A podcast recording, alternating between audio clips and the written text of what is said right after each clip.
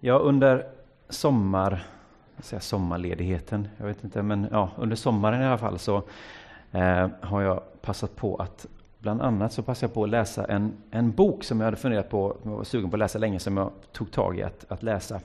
Eh, som hette, den heter Gilead, skriven av en amerikansk författarinna som heter Marilyn Robinson. Eh, det är en, eh, en roman, så är en fiktiv historia som eh, Eh, är berättad av den åldrade pastorn John Ames. Eh, den är skriven som en del memoarer, en del brev, en del essätext kan man säga. Den är skriven till hans John Ames sjuårige son. Eh, han har ett svagt hjärta, John Ames, och vet att han, han känner på sig att han har inte så lång tid kvar här i livet. Så han skriver en berättelse om, ja, det blir liksom dels en liten släkthistoria. Han berättar om sin pappa och sin farfar och om sin uppväxt och vänskap med eh, andra människor och om hur han träffar eh, eh, liksom, eh, den så som han kommer gifta sig med och som, blir, som han får den här sonen tillsammans med. Och det är en fantastisk berättelse, jag ska inte avslöja mer, men den är en väldigt speciell, en ganska långsam berättelse. Ganska odramatisk, men full av betraktelser och visdom och stundtals väldigt sådär Alltså hon har en otrolig förmåga i att liksom fånga den här gamle mannens kärlek till sin son.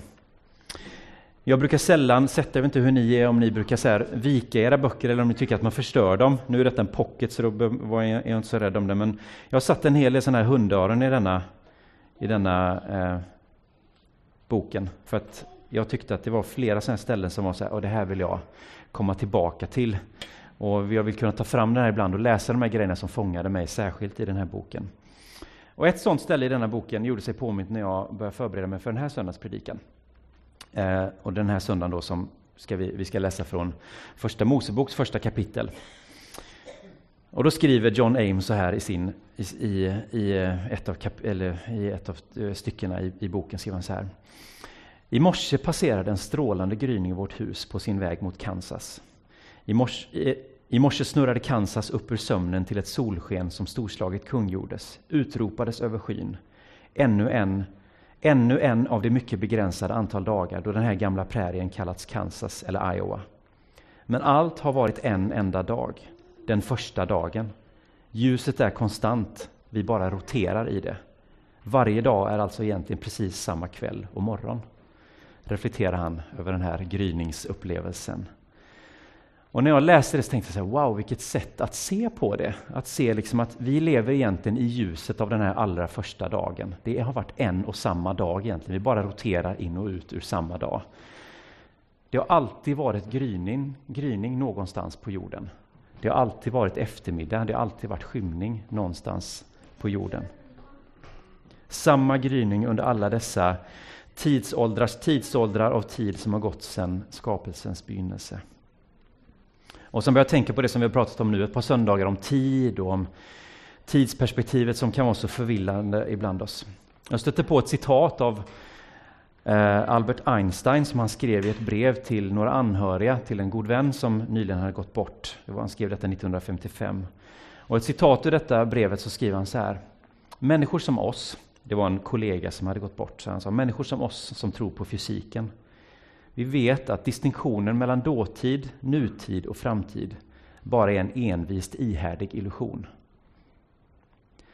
Alltså han menar att det är liksom, tiden är bara, en, det är bara en illusion, det är bara någonting vi använder för att beskriva det som händer, att sätta ord på att saker och ting liksom går igenom olika stadier och skeenden. Och jag menar inte att de här predikningarna i all sin eh, ringhet och eh, bräcklighet ska försöka liksom på något sätt få oss alla liksom att ja, nu förstår jag det, hela det här med hur tiden fungerar och så vidare. Det är, inte, det är inte det som är syftet, men kanske att vi kan känna lite det här med att vi kanske aldrig kommer till fullo greppa de här sakerna och aldrig förstå hur det ligger till. Och vi pratade om att liksom, försöka förstå Gud i, liksom, som någon som befinner sig i fler dimensioner än det vi kan se och ta på. Men att ändå att vi kan se och förstå lite mer av hur den, på vilket sätt Gud är verksam i tiden och i skapelsen. Idag så börjar vi då i Första Mosebok. Alltså, idag är startskottet för den här textläsningsplanen som vi följer här i den här församlingen och har gjort under flera års tid. Vare sig du har varit medveten om det eller inte så har vi faktiskt gjort det. Eh, och den kallas, den går under namnet The Narrative Lectionary. Och varför det är på engelska det är för att den är utarbetad vid ett, eh, eh ett seminarium i USA för ett antal år sedan, även om det nu har spritts och används i, över hela världen i församlingar i alla möjliga olika samfund. Eh, lectionary, är, vi har inget riktigt bra ord på svenska, även om jag sett att i gamla texter så finns det faktiskt ordet lektionär. Eller att man använder det latinska ordet lex, lectionarium, som alltså är en, helt enkelt en textläsningsplan, eller en samling texter, som beskriver vilka texter som ska läsas vid olika tillfällen. Eh, här i Sverige så känner vi kanske igen det svenska kyrkoåret, där vi lär, man har olika texter som läses vid olika söndagar, olika högtider och så vidare. Ehm, och de texterna är ofta knutna till just de här högtiderna. Vi kan ha texter som läses vid påsk och vid pingst och sen har man ett antal söndagar mellan pingst och liksom tills vi kommer fram till hösten och allhelgona och så, som bara heter i stort sett så här 17 söndagen efter trefaldighet. Sånt kanske ni känner igen. Så är liksom knutna till det. Den textplanen, läsningsplanen som vi följer här, den skiljer sig lite åt för att den där texten är istället utvalda för att man under ett års tid ungefär, från september till fram till vårkanten, maj ungefär, så försöker den göra en slags liksom svepande skildring av hela den bibliska berättelsen. Givetvis i ett ganska begränsat urval, men eftersom den då också löper över fyra år så blir det att under fyra års tid så blir det ganska mycket av Bibelns texter som man kommer läsa. Och vi kommer läsa alla de fyra evangelierna ett år i taget. Jo, ehm, och varför då inleder jag med att prata om det här? Jo, men för jag tänker att det är ju nämligen så att det här, varför, och varför vi har valt den här textläsningsplanen, det är för att det, jag tycker att personligen att den, det sätter liksom in Bibeln i ett sammanhang som gör, ger böckerna lite mer rättvisa på ett sätt. Eh, jag har med lite rekvisita idag. Jag har med några böcker. Jag har med den här Gilead som ni såg, som är en roman. Sen har jag med, eh, vi kan ta den här, jag har med en bibelkommentar över Första Mosebok. Jag har med Augustinus bekännelser som anses vara eh, västvärldens åtminstone första självbiografi. Så den är oerhört intressant, den är väldigt intressant bara för det är Augustinus, kyrkofadern, då, som har skrivit de här texterna som är otroligt, det är otroligt spännande livsöde, otroligt spännande eh, betraktelser i den. Ehm, men ehm, den läses av, av folk från alla, alla möjliga sammanhang just för att den är så den var så banbrytande. Sen också med Edith Södergrans samlade dikter. Ehm, och vad vill jag visa med det här då? Jo, det här är böcker från, jag bara gjorde ett snabbt urval i bokhyllan hemma, från lite olika genrer. Vi har en roman, vi har dikter, vi har en självbiografisk historisk text och sen har vi en, en bibelkommentar. Så det är liksom blandning, det är lite fiktion, det är lite facklitteratur, det är lite av varje. Men det är liksom olika slags böcker. Och det är ju lite så egentligen, varför jag har med det för att visa lite att den här boken, Bibeln, är också en samling böcker som också egentligen kan kategoriser kategoriser kategoriseras in i olika genrer. Vi har sånger, vi har dikter, vi har släktkrönikor, vi har lagtexter, vi har liksom apokalypser, alltså så här visioner om framtiden och om liksom så här uppenbarelser. Vi har personliga brev, vi har brev till större sammanhang, vi har evangelietexterna som åtminstone tittar vi på Markus evangeliet så är det vissa som menar att den liksom är skriven som en antik biografi i den litterära genren. Så att det är ett antal olika slags texter. Ehm, det är ju inte en enhetlig bok på det sättet. Det är människor från, av olika nationalitet, olika språk, från olika kulturer och samhällsklasser och som är skriven framförallt över ett enormt tidsspann. Eh, och det är på, det som gör, på ett sätt som gör Bibeln till en sån fantastisk skrift, men också lite frustrerande ibland när vi märker att ja, men det är liksom grejer som ibland är svåra att få att sammanfoga. Den vill sällan bete sig som vi hade önskat. Vi hade liksom önskat att det fanns ett, ett liksom index, ämnesfördelat. Kunde de inte bara skrivit Bibeln efter ämne och förklarat allting i den? När jag var yngre så lärde jag mig eh, att man kunde läsa Bibeln på engelska, det blir ju Bible, man kunde läsa den som en förkortning. Där bokstäverna stod för Basic Instructions before leaving Earth. Alltså grundläggande instruktioner innan du lämnar jorden. Eh, och det var ju ganska fyndigt och catchy så, men jag kan ju tycka att det kanske är att liksom trivialisera vad Bibeln är. Det är inte en instruktionsbok som vi bara kan slå i. Vad säger Bibeln om, om si och så? Jag tittar i ett index och ser vad säger Bibeln om, om just den problem, det problem jag står inför just nu. Nu ska jag välja vilket yrke jag ska, eller vilken utbildning jag ska gå, eller vad jag ska köpa, vad jag ska äta till middag idag. Ja, då kanske du hamnar i någon av Moseböckerna och säger att jag ska inte äta skaldjur, eller något. Det kan ju vara, vi hade kräftskiva igår, det hade liksom, jag knappt våga säga högt, men, men det är inte så Bibeln funkar och det är inte att göra texterna rättvis, att behandla den som en, upp, som ett, som en instruktionsbok på det sättet. Utan vi behöver respektera att det är ett mångfald av röster som kommer till tals i, i de här 66 böckerna som utgör Bibeln. Men det, varför jag ändå lockar, varför jag lockas av det här, liksom, the narrative lectionary, varför vi använder det här i församlingen, det är för att det är just narrative betyder ju berättande, berättelse. Eh, vi har ordet narrativ på svenska som är både liksom att, att vi, narrative är både att berätta, men det är också berättelse som, som form. Och vi människor vi skapar ju mening genom våra berättelser. Det är så vi bygger vår identitet. Det är berättelser som förklarar vilka vi är, precis som John Ames i den här boken berättar om sina sin pappa och sin farfar för att förklara vem han är. Hur har jag blivit den jag är? Jo, men det gör jag för att jag sätter in mig själv i en större berättelse. Min släkts berättelse, min familjs berättelse. Vad är viktigt för mig? Jo, men då berättar jag om traditioner som vi gjorde när jag var liten. Och så blir det liksom, vi skapar mening och skapar betydelse genom att berätta saker var vi kommer ifrån, vi berättar om vad vi vill göra, vi berättar om våra drömmar, om våra visioner, om våra förhoppningar. Det är, vi, är en, vi är berättande varelser.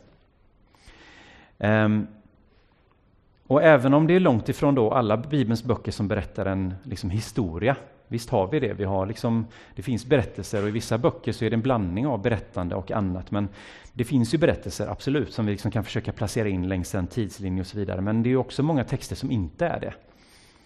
Men så på något sätt så tänker jag ändå att de är olika röster i en slags pågående konversation genom historien. Som på olika sätt ger uttryck för de erfarenheter som de här människorna gör, har gjort av Gud, i mötet med Gud och erfarenhet av livet och av sin tillvaro. Även Saltasalmerna är ju berättelser på sitt sätt, för de, de är också från ett sammanhang. Det, är liksom, det berättar ju någonting om hur tillvaron är, om hur livet kan vara. Eh, och visa på den Gud som är både närvarande och ibland till synes frånvarande under den här processen. Och eftersom skapelseberättelsen då är den text som liksom kronologiskt inleder hela den här historien så är det där vi ska börja. Och vi ska göra något lite annorlunda den här gången när vi läser den här texten. Vi ska, ni ska få vara med och läsa den här. Den här texten den är lite sådär man skulle kalla den, om man vill använda ett, ett, fint ord, den är lite liturgisk i sin utformning så att säga. Det är som att den är avsedd att läsas kanske i ett gudstjänstsammanhang. För den har liksom strofer med, nästan som en liten refräng, med en kör med ett svar på slutet. Um, vilket har gjort att det finns en hel del liksom, inom bibelforskning och sånt som menar att det är, det är nog så den här texten har använts ganska mycket i, den, i de judiska församlingarna. Att man har läst den här texten och så har man liksom varit som en som svarskör. Så. För varje skapelsedag i den här texten, den avslutas med ett Det blev kväll och det blev morgon, det var den hm, hm, dagen. Och så fortsätter det under den här veckan. Så det är de orden som vi ska läsa tillsammans. Så jag ska läsa bibeltexten, men när de här orden kommer, det blir kväll och det blir morgon och det var den dagen. Då får ni stämma in och läsa de orden, okej? Okay? De ska vi läsa högt tillsammans då alltså. Och Sen kan vi lägga märke till också att det, det återkommer, inte på alla dagar dock, så återkommer det här texten så att Gud såg att det var gott. Att det är liksom ett, hela tiden ett, ett sån här god statement att ah, det här var bra, det här blev bra. Eh, det var någon som påpekade att eh, det, den, den raden, just det Gud såg att det var gott, finns inte med i under den första dagen. Men då var det någon som sa att men det var ju en måndag, så det är ju inte så konstigt. kanske. Att även Gud, det finns liksom nedlagt i skapelseordning att måndagar, varför är måndagar som de är? Ja, men det har förklaringen redan i första Mosebok. Nåväl, nåväl. Nu ska ni få hänga med här. Då börjar vi. Sitter alla bekvämt och är beredda? I begynnelsen skapade Gud himmel och jord. Jorden var öde och tom. Djupet täcktes av mörker och en gudsvind svepte fram över vattnet. Gud sa ljus, bli till, och ljuset blev till. Gud såg att ljuset var gott och han skilde ljuset från mörkret. Gud kallade ljuset dag och mörkret kallade han natt. Det blev kväll och det blev morgon. Det var den första dagen. Gud sade, i vattnet ska ett valv bli till och det ska skilja vatten från vatten. Och det blev så. Gud gjorde valvet och skilde vattnet under valvet från vattnet ovanför valvet. Gud kallade valvet himmel. Det blev kväll och det blev morgon. Det var den andra dagen. Gud sade, vattnet under himlen ska samlas till en enda plats så att land blir synligt. Och det blev så. Gud kallade det torra landet jord och vattenmassan kallade han hav. Och Gud såg att det var gott. Gud sade, jorden ska ge grönska, fröbärande örter och olika arter av fruktträd med frö i sin frukt ska växa på jorden. Och det blev så. Jorden frambringade grönska, olika arter av fröbärande örter och olika arter av träd med frö i sin frukt. Och Gud såg att det var gott. Det blev kväll och det blev morgon, det var den tredje dagen. Gud sade, på himlavalvet ska ljus bli till och de ska skilja dagen från natten och utmärka högtider, dagar och år. De ska vara ljus på himlavalvet och lysa över jorden. Och det blev så. Gud gjorde de två stora ljusen, det större ljuset till att härska över dagen och det mindre till att härska över natten, och han gjorde stjärnorna. Han satte ljusen på himlavalvet att lysa över jorden, att härska över dag och natt och att skilja ljus från mörker. Och Gud såg att det var gott. Det blev kväll och det blev morgon, det var den fjärde dagen. Gud sade, vattnet ska vimla av levande varelser och fåglar ska flyga över jorden under himlavalvet. Gud skapade de stora havsdjuren och alla olika arter av levande varelser som vattnet myllrar och vimlar av och alla olika arter av fåglar. Och Gud såg att det var gott. Gud välsignade dem och sa, var fruktsamma och föröka er och uppfyll sjöar och hav och på jorden ska fåglarna föröka sig. Det blev kväll och det blev morgon, det var den femte dagen. Gud sade, jorden ska frambringa olika arter av levande varelser, boskap, kräldjur och vilda djur av olika arter. Och det blev så. Gud gjorde de olika arterna av vilda djur, boskap och markens kräldjur. Och Gud såg att det var gott. Gud sa, vi ska göra människor som är vår avbild, lika oss. De ska härska över havets fiskar, himlens fåglar, boskapen, alla vilda djur och alla kräldjur som finns på jorden. Gud skapade människan till sin avbild, till Guds avbild skapade han henne. Som man och kvinna skapade han dem. Gud välsignade dem och sa till dem, var fruktsamma och föröka er, uppfyll jorden och lägg den under er. Härska över havets fiskar och himlens fåglar och över alla djur som myllrar på jorden. Gud sa, jag ger er alla fröbärande örter på hela jorden och alla träd med frö i sin frukt. Detta ska ni äta. Åt markens djur, åt himlens fåglar och åt dem som krälar på jorden, allt som har liv i sig, ger jag alla gröna örter att äta. Och det blev så. Gud såg att allt som han hade gjort var mycket gott. Det blev kväll och det blev morgon, det var den sjätte dagen. Så fullbordades himlen och jorden och allt vad där finns. Den sjunde dagen hade Gud fullbordat sitt verk och han vilade på den sjunde dagen efter allt han hade gjort. Gud välsignade den sjunde dagen och gjorde den till en helig dag. Ty på den dagen vilade Gud sedan han utfört sitt skapelseverk.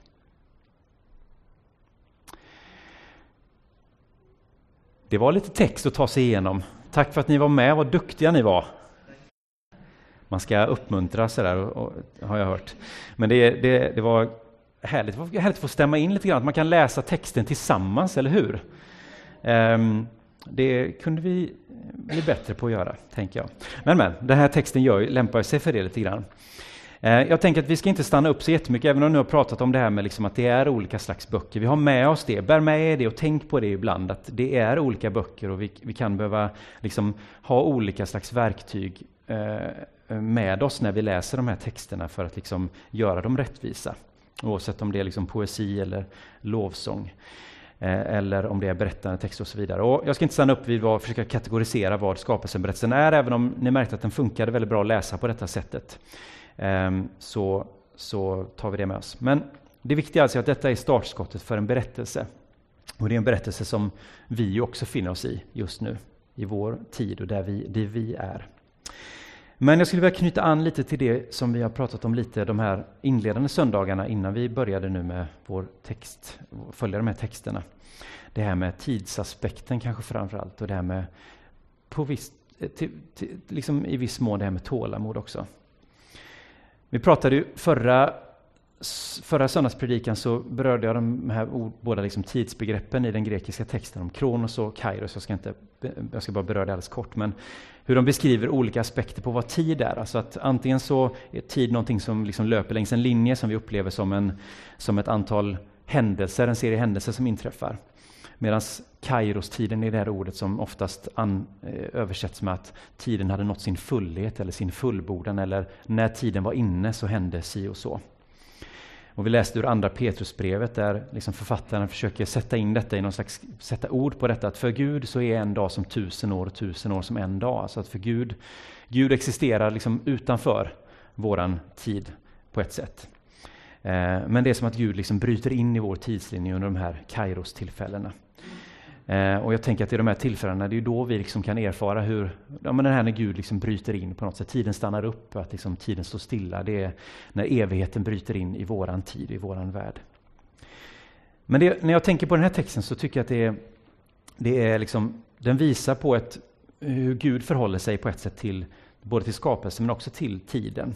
Att Gud i den här texten vi läser är både aktivt deltagande. Gud gör saker, Gud säger och saker blir till. Men Gud har också på ett sätt ett slags passivt tillåtande eller liksom till, tillbakadraget eh, beteende också som, vi ska, som inte framgår lika tydligt förstås eftersom det är så mycket om det skapande ordet som Gud uttalar någonting och det händer saker.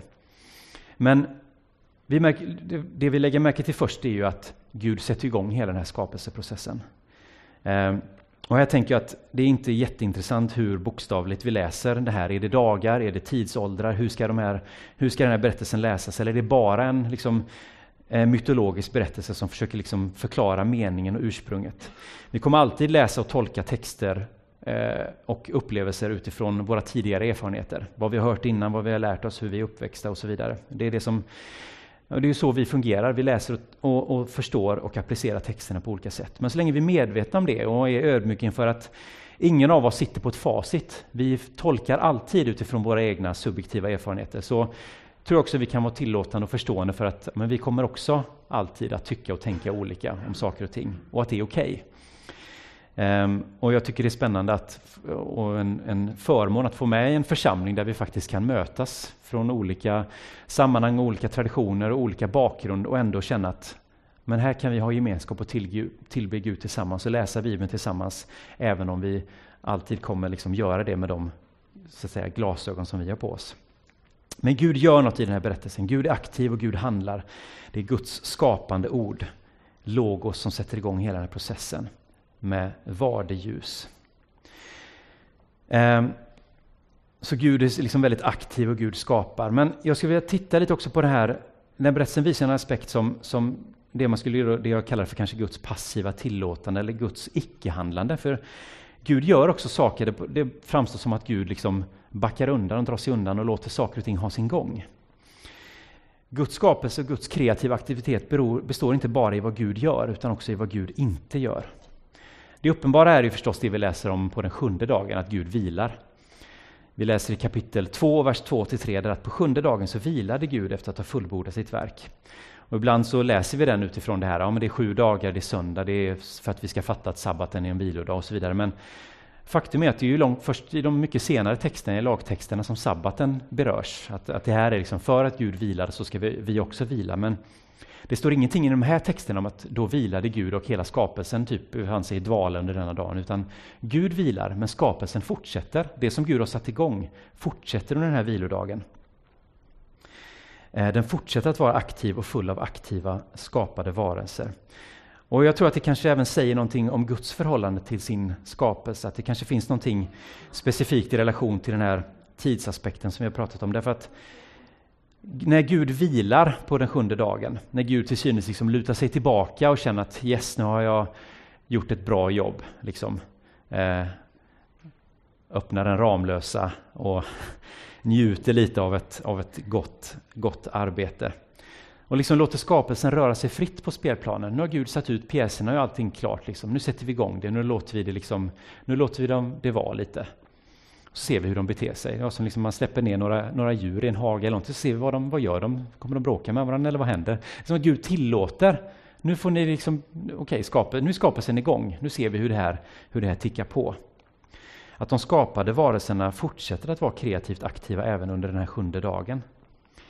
Eh, den tyske teologen Jürgen Moltmann uttryckte det så här, att Gud skapar genom att låta vara, genom att göra plats och genom att dra sig undan.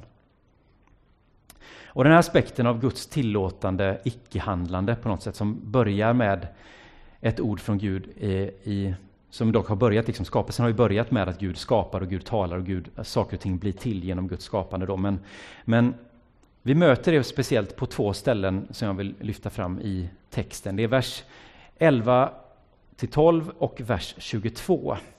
Eh, vi kan bara titta lite snabbt på dem, vad de, vad de säger. För då står det så här. Att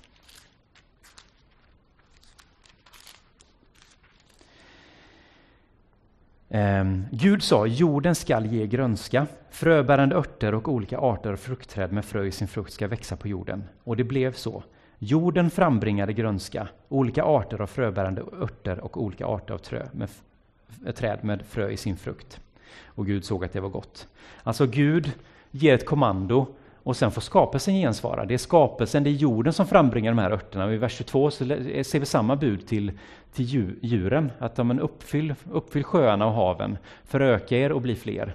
Men det är inte Gud som tar och liksom placerar ut dem, utan där får de liksom, nu har, jag, nu har Gud satt dem till satt dem till liksom, satt dem, placerat ut dem där de ska vara i sina naturliga omgivningar och sen får de liksom växa och frodas eh, liksom utan att Gud kontrollerar den den eh, processen på något sätt. Och jag tänker att på det sättet att tala om skapelsen som någonting som blir till liksom, längs en tidslinje som Gud tillåter att få, få göra någonting. Det är att tala om skapelsen som en dynamisk process och inte bara som en slutprodukt. Alltså Gud väljer att ta sig tid att skapa och Gud ger skap, begåvar de här varelserna som han har skapat med skapande förmågor själv. Gud bestämmer sig för att inte skapa ensam, utan Gud i ömsesidigt beroende och över tid låter varelserna vara med i den här skapande utvecklingen. Det är som att Gud bjuder in och ger skapelserna tillåtelse att vara också kreativa. Vad varelserna gör räknas i det pågående tillblivandet av världen. Och Det visar också att Gud på något sätt har valt att bli en aktiv del i våran tidsupplevelse. Jag pratar om att Gud befinner sig utan tiden, men i skapelsen så blir ju Gud på något sätt Gud helgar tiden. Gud gör tiden meningsfull och Gud tar själv del i tiden. Gud låter sig själv involveras i sin skapelse. Han står inte bara liksom vid ett himmelskt, liksom kosmiskt kontroll, kontrollpanel och ser vad som händer där nere, utan Gud blir en aktiv del. Gud som egentligen är evig och tidslös blir en del i våran tid. Gud gör sig till ett med oss och våran upplevelse. Vi ser det i skapelsen, vi ser det i Jesu inkarnation. Hur Gud verkligen griper in, liksom kliver in i våran tid. Och på grund av den här relationen så kan vi också tala om att universums skapelse tar tid, även för Gud. Alltså, Gud skulle inte behöva låta saker och ting ta tid, tänker jag. Det var Augustinus, vars bok jag hade här framme innan. Han var inne på det spåret. Han menar att nej, Gud skapade faktiskt, allting hände ögonblickligen. Det hände så här, liksom på ett, på ett klick så var allting klart. Så läste han texten. Han menar, nej men det här är bara ett sätt att vi ska förstå allting som har hänt, men egentligen så hände allting på ett ögonblick. Eh, det är ju ena diket. Eh, det andra riket, är, eller andra liksom, eh, aspekten av, liksom på det spektrat är ju, är ju att eh, liksom se universum som en uråldrig, vad, vad pratar jag om, 14,6 miljarder år gammal och så vidare. Alltså att det är faktiska tidsperioder det handlar om. Det är det som är det viktiga, vare sig det är dagar eller tidsåldrar det handlar om. Och att Gud låter, låter saker och ting ta tid. Och att tala om att skapelsen tar tid, himlakroppar, växter, varelser, djur och människor kommer till liksom längs en tidslinje. Det betyder också att skapelsen är en dynamisk process. Det är inte bara en slutprodukt, kanske aldrig en färdig produkt. Säg att du köper en möbel, ett bord på IKEA och det saknas en skruv, så är ju det inte ett fungerande bord, eller hur? Det är inte en fullständig produkt. Eh, du kan ju inte bjuda till bords och så plötsligt går ett ben av och all maten ramlar ner på golvet och du säger att nej men det, det här bordet är en process och så ursäktar det med det. Det funkar ju inte, utan det bordet behöver vara färdigt, eller hur? Det är en färdig produkt. Men om du planterar ett äppleträd, om du sår frön och blir irriterad för att det inte bär frukt med en gång, eh, för att inte det är en slutprodukt. Det är också liksom, det är andra diket av detta. Eh, det är ju inte ett misslyckat fruktträd för att inte det bär frukt så fort du har planterat, utan du ger det tid, du låter det växa, du låter solen, regnet, tiden, processen få göra sitt och du får långsamt se det här trädet bli vad det blir. Sen längs vägen så kommer du kanske få gå in och beskära, du får binda upp och du får, du får kanske vattna själv när det är torrt och så vidare för att trädet ska få bästa förutsättningar att bära frukt. Men det är en ständigt pågående process, eller hur? Och det här trädet fortsätter förhoppningsvis att växa och frodas och bli till det det ska bli. Och jag tror att det är samma sak med skapelsen, att skapelsen tar tid. Och Gud, som har involverat dig och mig i den här skapelseberättelsen och också allt annat skapat, tillåter den tiden som krävs för att de här varelserna ska bli det de är ämnade att vara. Och jag tror det är viktigt att vi har med det perspektivet att det hjälper, för att på ett sätt skulle det kunna, det, jag tänker att det är en tanke som kan ge oss tröst till exempel, att varför händer inte saker med en gång? Varför finns det lidande i världen? Ja, men Gud är inte inne och detaljstyr, Gud sitter inte vid sitt kontrollbord och styr allting som det ska vara, utan Gud låter saker och ting ske över tid. Och när vi kan se i backspegeln så kanske vi ibland kan se att oj, vad den här processen tog lång tid. Men det blev ändå någonting bra av det. Vi vill gärna se den färdiga produkten nu, vi vill ha en perfekt skapelse, men Gud har valt att inte göra så. Gud har valt att involvera sig i sin skapelse, både i skapelsen i stort och också i ditt och mitt liv. Att Gud är en Gud som har involverat sig i tiden, i skapelsens tid, och liksom på våra villkor. Det är en Gud som engagerat sig på ett personligt plan med dig och mig. Det är en Gud som är aktiv, men också en Gud som håller tillbaka ibland och låter oss få gå våran väg. Han är som fadern i berättelsen om den förlorade sonen, när sonen säger jag vill, inte, jag vill inte vara här längre, jag vill ut, jag vill ha mitt arv. Ja, men då får du det. Och så står Gud tillbaka, han håller inte fast sonen, nej du ska stanna här. Och så låser in honom så inte han kan gå någonstans. Utan han får göra det. Och det är en process och han kommer tillbaka med en ny förståelse, med en ny uppskattning av vad han har gått miste om, vad han har lämnat bakom sig. Och Det är så Gud arbetar.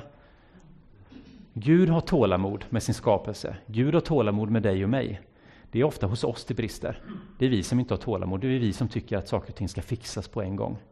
Och Det är ofta där det blir fel, när vi ska gå in och ha en snabb lösning på det istället för att se att det är en process. Det är lite jobbigt nu. Det verkar lite, det växer lite långsamt. Får vattna lite, får beskära lite. Det gör lite ont ibland. Men vi kommer bära frukt och skapelsen kommer bära frukt. Det är en pågående process. Och det helgar våran tid också, det gör våran tid betydelsefull. Vår tid är inte bara en resurs som vi ska liksom, liksom investera för att göra, få det bästa möjliga utdelning av, utan ibland så är, handlar tiden om att, att helga tiden handlar om att stå tillbaka. Och därför tror jag att sabbaten är viktig, jag tror att vilan är viktig, för vi behöver backa tillbaka ibland och låta saker och ting få, få vara. Att kunna säga till Gud, Gud jag fattar inte detta nu, jag lägger det ett tag, och så får vi se vart den här processen tar vägen. Eller det här är jättejobbigt att vara i denna situationen just nu. Jag önskar att du kunde bara lyfta ur mig ur den här situationen. Att det kunde fixas på en gång. Och vi ber och vi håller på. Och ibland tar det tid. Men vi får tålamod. Gud, varför brottas jag med de här bekymren hela tiden? Jag har den här synden som hela tiden poppar upp. Varför gör den sig påminn hela tiden? Varför kan du inte bara, varför kan jag inte bara bli kvitt den? Ja, men det är en process. Det är en tagg kanske som gör lite ont.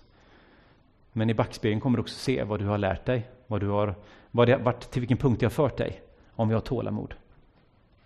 Så tiden är helgad, skapelsen är helgad därför att Gud har involverat sig i det.